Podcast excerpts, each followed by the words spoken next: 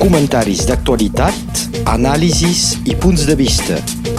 La crònica d'opinió amb l'advocat Pere Beca. Bon dia. S'acaba el mes d'agost, s'acaba l'estiu. Aviat hauran passat tres anys des del referèndum de l'1 d'octubre. Tres anys des de l'entrada a la presó dels Jordis, tres anys des de l'exili d'en Puigdemont i altres. I la situació, que vist de fora sembla una situació normal quan vas a Catalunya, esborra totalment la realitat del problema. El virus, per aquí sobre, ha tret tot l'aspecte mediàtic d'aquest problema i ens trobem en les pàgines, pàgines finals dels diaris, estic parlant dels diaris fora de Catalunya, que només comenten alguns actes i molt poca cosa. Però el tema de la independència, el tema de la independència per ell mateix, evidentment que no està tancat. Evidentment que no s'ha deixat. Llavors, fem una mica un punt de quina és la situació de cara a aquesta tardor en la qual hi haurà eleccions que potser aportaran un pas més. L'independència. Qui no la vol? Evidentment, els estats i els organismes supraestàtics. Espanya, perquè per Espanya el manteniment de Catalunya a l'estat espanyol és una condició de sobrevida econòmica, tret del fet que seria un canvi radical d'una situació establerta que posaria en preguntes en moltes qüestions, com la del manteniment de la monarquia. És clar que si Catalunya és independent serà per ser una república i que no pot ser una mena de eh, democràcia monàrquica com té l'estat espanyol en aquests moments. Però l'estat francès tampoc no la vol. La posició dels polítics, inclús el primer ministre francès, que per tant sap de què va, ja que ha sigut i en, encara és alguna cosa, com batlla de la ciutat de Prada, és a dir, de la ciutat que rep la Universitat Catalana d'Estiu de fa molts anys. Doncs la classe política francesa, sortit d'alguns pocs polítics d'aquest departament, no, tampoc no la vol. La classe econòmica a Catalunya sí que en uns moments, eh, quan la crisi era una crisi dura, sí que la classe econòmica semblava a punt de fer el pas. Però ara, amb les dificultats, amb el virus, amb tota la problemàtica econòmica de l'incertesa que seria el pas cap a la democràcia real i cap a la independència, la classe econòmica per lo menys calla o diu que no. És a dir, que el pes de l'ordre establert és un pes molt gran sobre el procés cap a la independència. Els estats no ho volen, Europa tampoc ho vol. Europa és la conseqüència dels estats, és un club d'estats. Però tampoc els partits polítics. A l'estat espanyol, evidentment, la dreta espanyola, que sigui de Vox, que sigui del PP, que sigui de Ciutadans, més o menys tots estan en la mateixa línia de totes maneres políticament i no vull creure que Ciutadans sigui un partit centrista, sinó un partit de drets, clarament. Tampoc ho volen.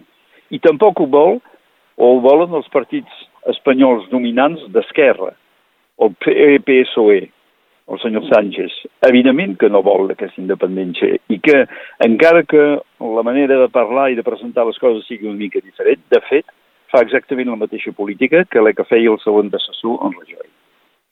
I tanmateix, ja està, els aliats del Partit Socialista, la gent de Podemos, que en el discurs són radicalment favorables a l'expressió democràtica, però en cap moment han dit ni la senyora Colau, ni cap dels caps, ni el senyor Iglesias, ni caps dels caps eh, de Podemos eh, a l'estat espanyol, o de Podem a Catalunya, han dit clarament que acceptaven de sotmetre a un referèndum la qüestió de la independència. I fins i tot els partits catalanistes, i especialment el Partit Socialista de Catalunya, que tampoc no diu que vol la independència. És un panorama políticament, a nivell d'institucions i a nivell d'entitats, que és un panorama molt negatiu per al procés d'independència. Per tant, alguna gent ve la bola aquesta independència, perquè passen els dies, passen els mesos i els anys, i es va mantenir aquesta idea d'independència. Evidentment, alguns partits els que feien la coalició dels Junts per Sí, amb la forma que serà la forma que trobaran per a les pròximes eleccions, que tindrien tot interès anar-hi ajuntats, però que la lògica dels partits això no ho permet gaire. Però tanmateix, el moviment encetat per en Puigdemont i els seus amics del Consell de Defensa de la República, un moviment que està reflectat aquí a la Catalunya del Nord, amb un petit partit, però que es va moguent i que va fent coses i que va arribar a fer fins i tot el 29F. És a dir, una organització molt lleugera, però clarament republicana i clarament independentista, a la qual s'afegeixen una sèrie d'associacions o d'entitats no directament partits polítics, eh, com ara l'Òmnium Cultural, però moltes altres entitats, moviment sardanista, moviment esportiu, que es van mm, afegint a aquesta feina de la independència i fent que, finalment, encara que els òrgans que normalment haurien de portar la reflexió i l'acció política a favor de la independència no són els que se senten més, sinó que són òrgans destinats a, a altres coses que a través de les coses que fan i que organitzen, que siguin partits de futbol al Barça, que siguin eh, actes eh, de tipus cultural a l'Òmnium Cultural, que a través de tota, tota aquesta acció arriben a mantenir aquesta idea d'independència.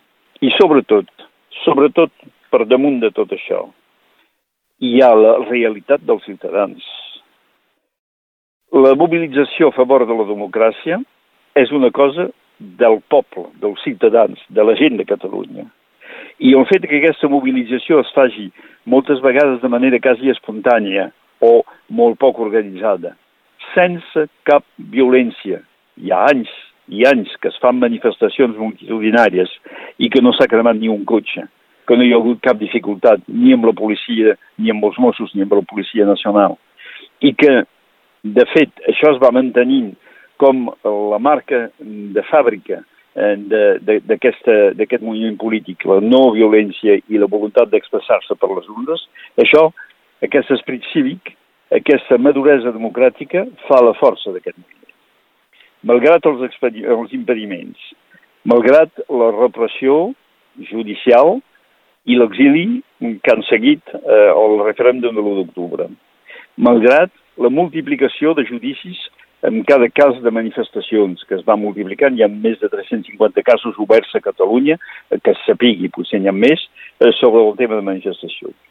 Malgrat el fet que el 29F, que va ser un èxit, però que va ser poc explotat mediàticament perquè de seguida darrere va venir un confinament i va venir el tema del Covid, malgrat tot això, aquesta idea d'independència de Catalunya sempre es va mantinguent, sempre és viva, sempre, d'alguna manera, surt com, exactament com a, aquella herba que en diuen la gram, que els vinyaters eh, eh, intenten de, de, de treure de les vinyes però que mai hi arriben perquè tornen a sortir d'alguna manera la gram, a través del món cultural, a través del caliu que representa la població, a través de la voluntat dels ciutadans. És una gran lliçó que estan donant els catalans en aquests moments.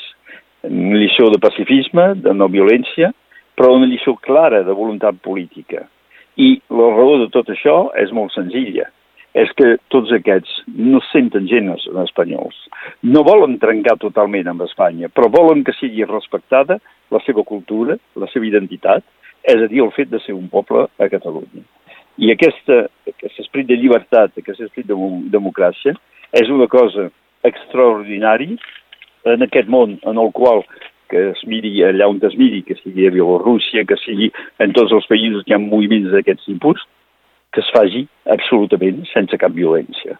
Això és la força del poble de Catalunya i això és que Catalunya acabarà guanyant aquest procés.